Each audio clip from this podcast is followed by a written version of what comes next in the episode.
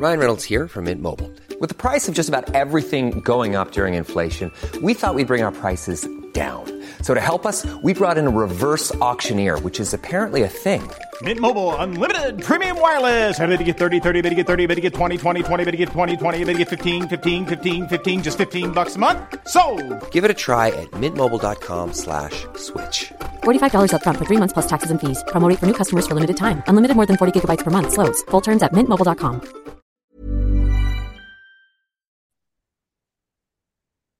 Halo pendengar GGMI Podcast, baik lagi bersama kita berdua dan kembali melanjutkan musim yang masih terus berlanjut di mana pada akhir pekan ini jam setengah delapan Sabtu ya malam minggu prime time MU akan bertandang nih ke markas yang sedang bisa dibilang bangkit dan berjaya ya yaitu adalah West Ham United dan gimana Vin? Secara squad apakah ada hal yang mungkin mengembirakan dari kembalinya satu dua pemain yang lagi cedera, Vin? Iya, eh, menurut gua hasil 0-0 lawan Liverpool kemarin memang membawa aura positif ya di kubu MU karena membangkitkan kembali semangat dan kepercayaan diri gitu. Bagaimana yang tadinya diprediksi bakal dibantai atau misalnya mungkin bakal kebobolan satu, dua atau tiga, ternyata bisa clean sheet gitu.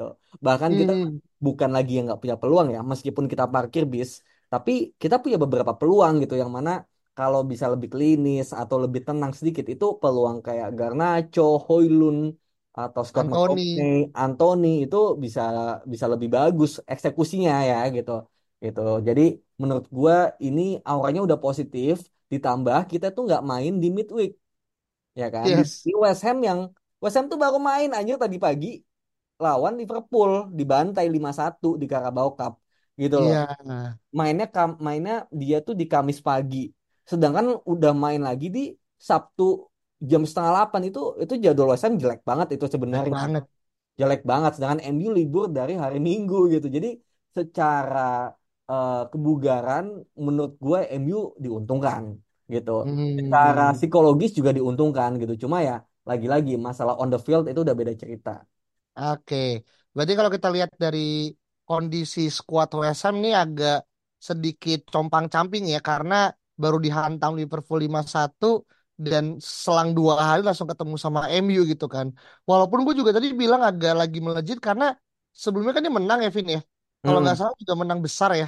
Gue lupa tuh lawan siapa ya dan Lawan juga Wolves 3-0. Wolves ya. 5 Kudus, kan. Kudus 2 gol. Kudus dua gol gitu kan. Bahkan sampai dibilang kayak his name is Kudus instead of Kudus gitu. Yang mana menurut gue kayak eh, ini pemain jadi mendapatkan eh, apa ya nafas kedua gitu ya setelah Hmm. pindah dari Ajax gitu. Nah, untuk melihat pertandingan besok kan sebenarnya MU sendiri eh, ada dua nama ya, Ahmad Diallo yang udah mulai latihan semenjak dua minggu dan juga Christian Eriksen nih yang kemarin Hmm. banget MU merilis video di mana dia udah mulai balik latihan gitu kan. Nah, lo ngelihat Eriksen untuk penampilan besok apakah memungkinkan untuk dimulai dari awal, Vin? Iya, kalau Erikson mungkin aja gitu. Meskipun kayaknya kalau dari bench juga kayaknya lebih memungkinkan sih gitu. Karena gua sebenarnya lebih ingin yang main tuh ya Kobi Mainu gitu. Misalnya Amrabat, Mainu, dan Bruno Fernandes gitu. Ya meskipun gue juga yakin bahwa Scott McTominay pasti bermain lagi. Dan inilah satu hal yang eh, agak mengganggu ya di gua dan pasti banyak fans lainnya.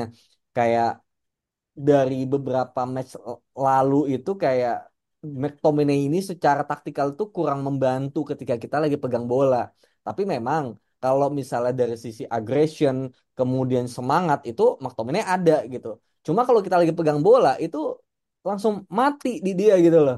Cuma kalau Iya. Liverpool kayak oke lah kita bisa wajar karena lawan Liverpool kita butuh pemain yang memang mau berjuang, kemudian pemain akademi yang eh, udah punya apa ya mungkin misi gitu kan dari kecil membenci Hmm. Liverpool gitu. Itu dibutuhkan itu semangat semangat seperti itu.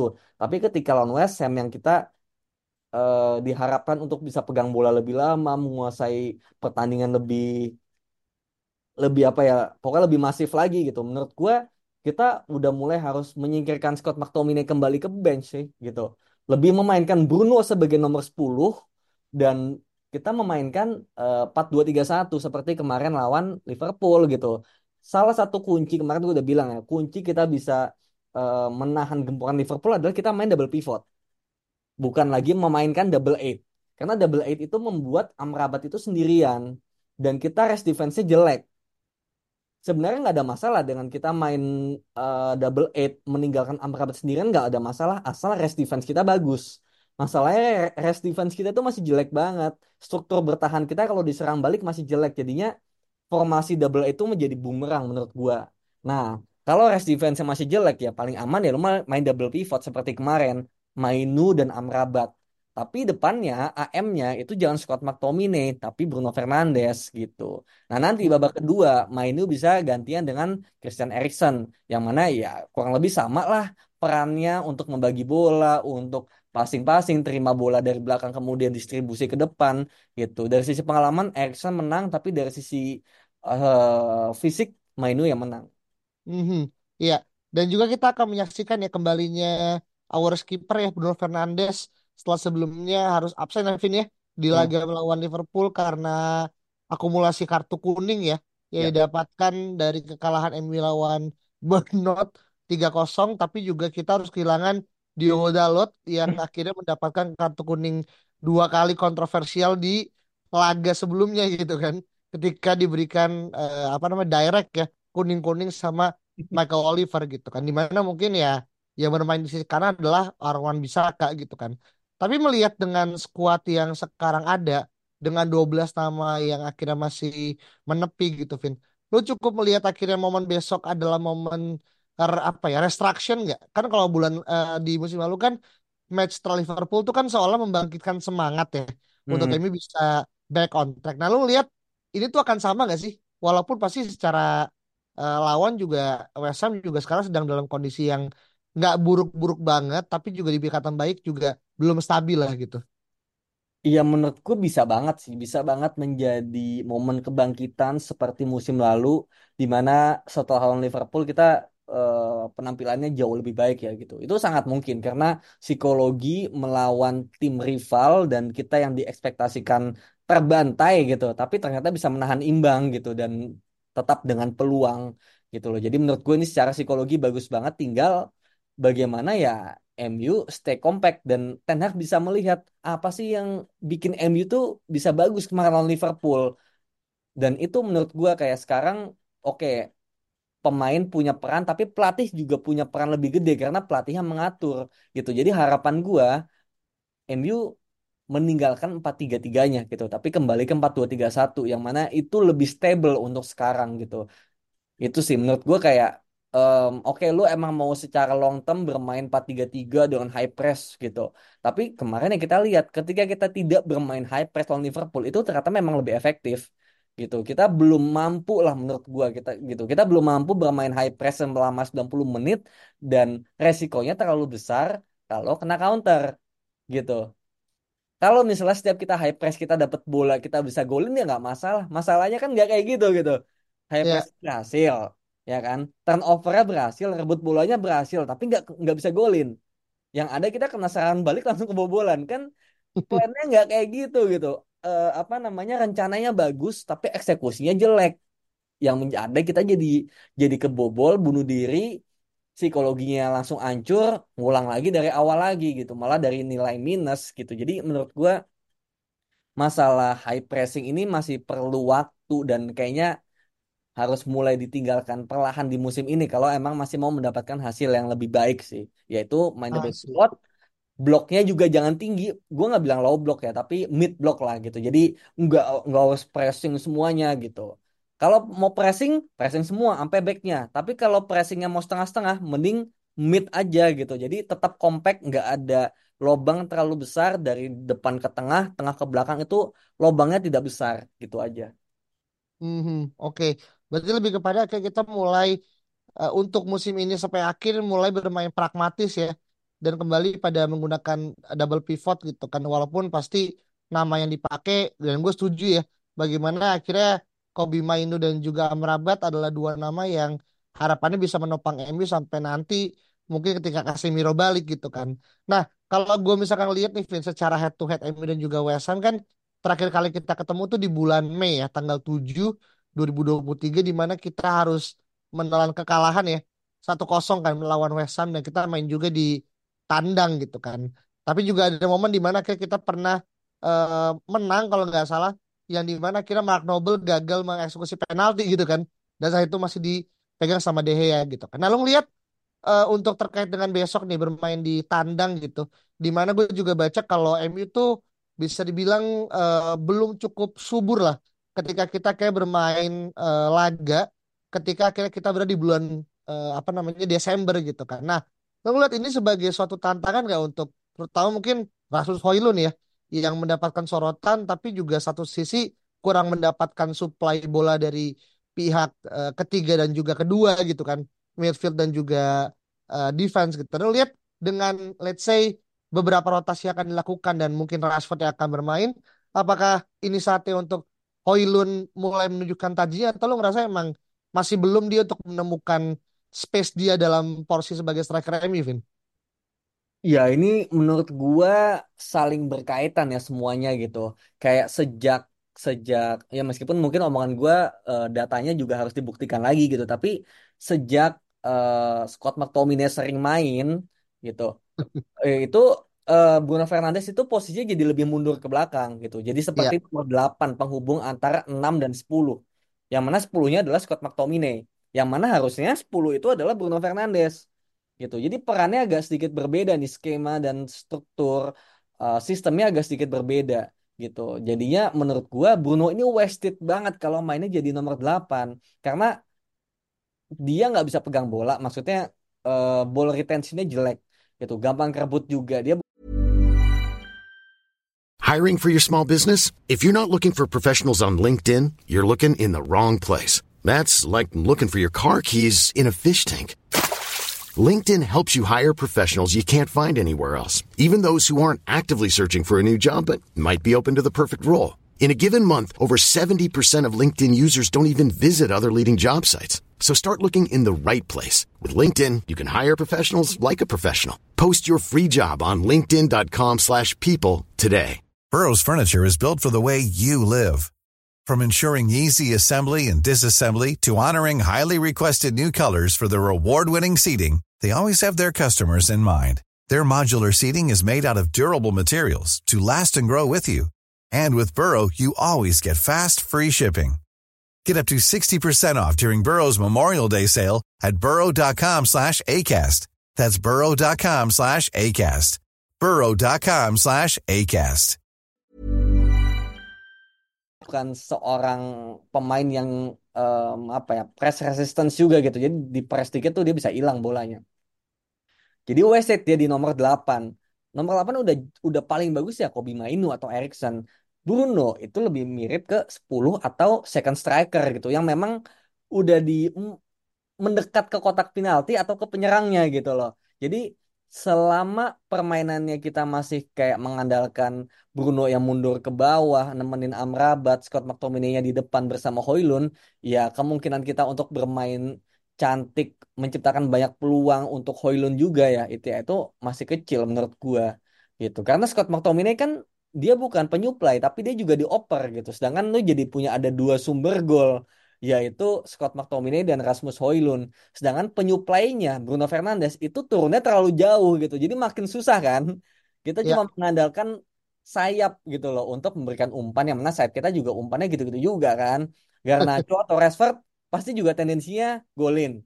Jarang untuk umpan. Anthony juga sekarang output eh, crossing atau nendangan juga udah mulai berkurang gitu karena dia lebih ke ball retention sepertinya sekarang gitu lebih bagus di sana gitu jadi apa yang mau lu harapkan lagi dari penyerang gitu loh jadi menurut gua kalau skemanya masih sama ya ini masih akan sulit gitu tapi kalau skemanya lebih ke bermain apa ya eh, at least musim ini kita gunakan skema yang terbaik yang ada yang bisa dilakukan gitu yaitu dengan double pivot Bruno lebih mendekat ke penyerang dengan dia bermain di nomor 10 ya kemungkinan Højlund untuk cetak gol bakal lebih tinggi jadi ini tetap tergantung pelatih I see.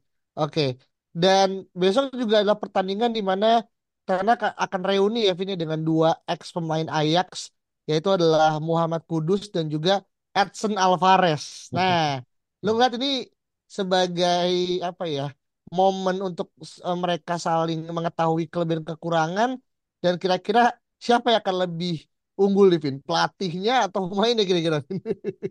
Iya, West Ham ini emang kuat banget ya gitu. Ada Alvarez, ada Soucek, kemudian ada Ward-Prowse juga. Nah, ini hati-hati nih. MU kan suka bikin pelanggaran gak penting ya. Gitu. Ada James Ward-Prowse nih yang tendangan bebasnya mematikan gitu. Dan kalau dari sisi kiri maybe eh, Aaron Creswell ya itu juga kayaknya bahaya juga gitu. Tapi tetap si James Ward-Prowse ini sangat-sangat bahaya gitu. Jadi menurut gua dengan adanya Alvarez jadi DM, kemudian ada eh, Muhammad Kudus ya yang lagi subur juga dia bermain di sayap kanan ya kalau nggak salah Iya, gitu. Karena Bowen lebih jadi penyerang nih.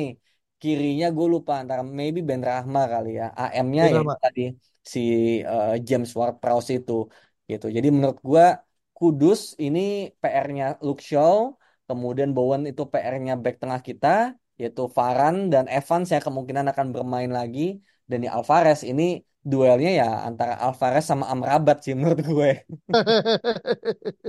Seru nih ya. Eh, dua DM yang ex dari eh, asuhannya Ten Hag gitu kan. Dan Yoi. buat gue ini adalah hal yang akan menjadi pembuktian ya buat eh, dua pemain ini karena dua pemain ini kan juga pernah ya at least sekali lah dikaitkan untuk bisa ikut gerbongan Ten Hag ke MU kan. Terutama Kudus ya kita ingat di musim la eh di awal musim Evin ya dia Ya, sering dikait-kaitkan untuk masuk ke MU ternyata joinnya ke West Ham gitu kan. Jadi mungkin ada something yang ingin lebih kepada pembuktian gitu kan dan terbukti ketika Kudus dan juga Alvarez cabut dari Ajax, Ajax juga agak kocar kacir gitu. bukan agak lagi sangat kocar kacir. Jadi emang gue sih ngerasa Dortmund ini emang udah layak ya untuk meninggalkan Ajax dan ya buktinya mereka di West Ham pun juga dalam kondisi yang di bawah Moyes ya sebagai tim yang mungkin meramaikan papan tengah sih eh, buat gue nih adalah suatu hal yang sangat eh, inilah apa namanya a good a good deal lah buat West Ham dan ternyata jarak kita dengan West Ham itu di klasmen itu cuma beda satu poin doang, Vin. Jadi kalau Hmm, misalkan besok kita kalah atau mungkin seri ya goal difference kita kalah eh, sama West Ham gitu kan. Jadi buat gue nih adalah pertandingan selain daripada penutup ya sebelum daripada libur Natal walaupun nanti juga akan ada eh, Boxing Day ya kita akan nantikan tapi buat gue ini adalah pertandingan penting karena kalau based on data terakhir kali kita kalah sebelum sebelum pertandingan eh, Natal itu di tahun 1930 sampai 31 gitu. Dan itu buat gue udah sangat jauh lah dan kalau MU besok kalah sama West Ham ya berarti kita mengulang sejarah dari kurang lebih hampir 70 tahun yang lalu gitu kan. Dan gue sih nggak pengen kita akhirnya harus menelan kekalahan dari Forever Blow in Bubbles ya di London ya.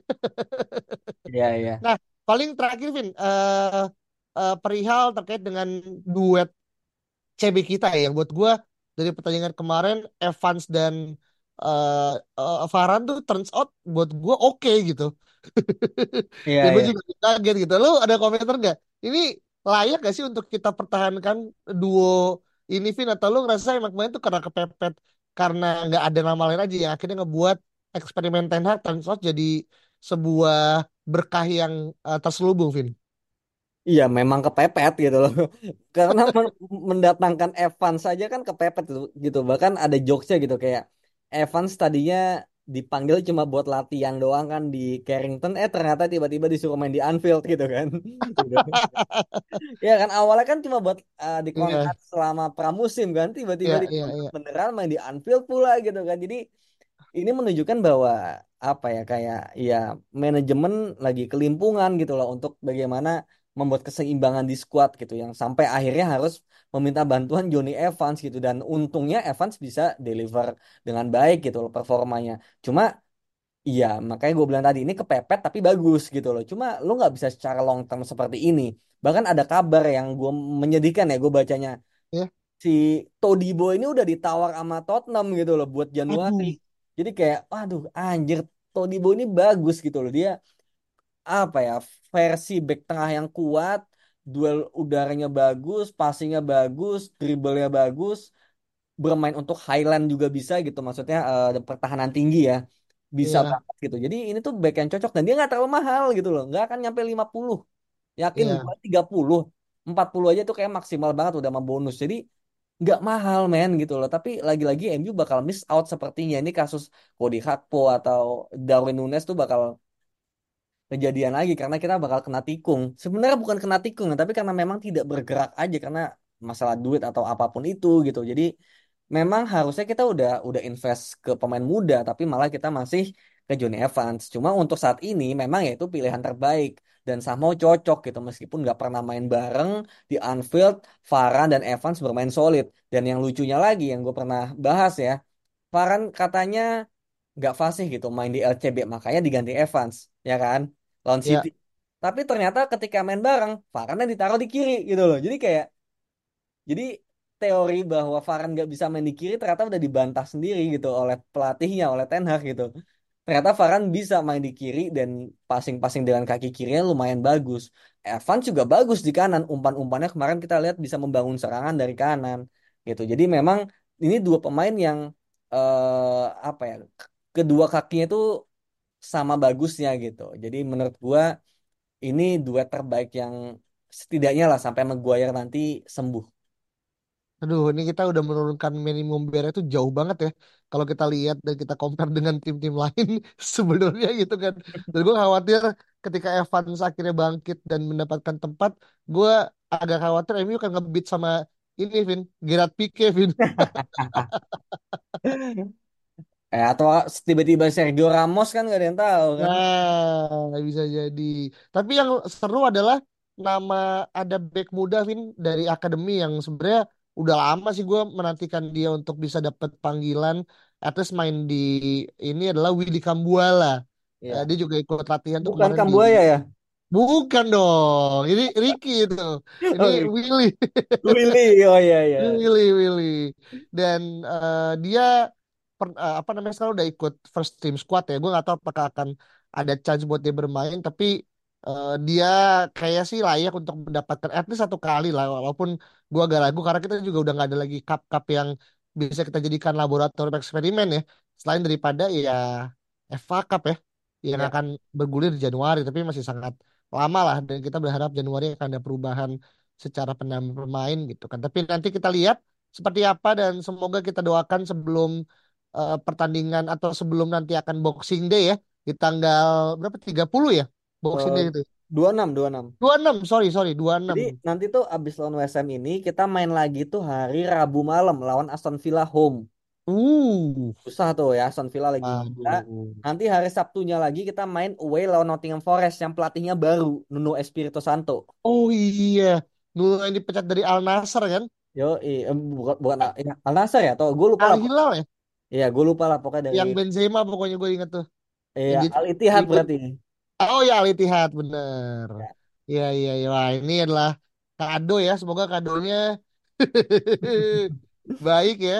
Iya, Karena ini gue sih kiriman ada pesimis. santet dari Ronaldo kayak ini. Aduh. Ya, pokoknya buat teman-teman yang mungkin tidak keluar kota dan tidak berlibur, semoga eh, apa ya, tontonan dari MU di Berarti kita dalam ukur waktu hampir 9 hari akan ada tiga match ya, Vin ya? Ya, betul. Iya kan? Eh, Nah, ini bakalan seru nih. Walaupun tentu persiapan kekalahan akan sangat tinggi karena intensitas dan juga melihat pada Aston Villa yang bahkan bisa menang ya kemarin ya Vin ya. Ya. Eh, iya kan? Lawan siapa? Liverpool ya? Apa ya? Arsenal. Oh iya sorry Arsenal 2-1 dan kita akan ngebahas juga secara terpisah. Dan buat teman-teman kalau punya pendapat berbeda silakan langsung tulis aja di kolom reply at GGM Podcast di Twitter dan kita ketemu lagi pada episode berikut ya. Bye Mom deserves the best, and there's no better place to shop for Mother's Day than Whole Foods Market. They're your destination for unbeatable savings, from premium gifts to show-stopping flowers and irresistible desserts. Start by saving 33% with Prime on all body care and candles. Then get a 15-stem bunch of tulips for just $9.99 each with Prime. Round out Mom's menu with festive rosé, irresistible berry chantilly cake, and more special treats. Come celebrate Mother's Day at Whole Foods Market.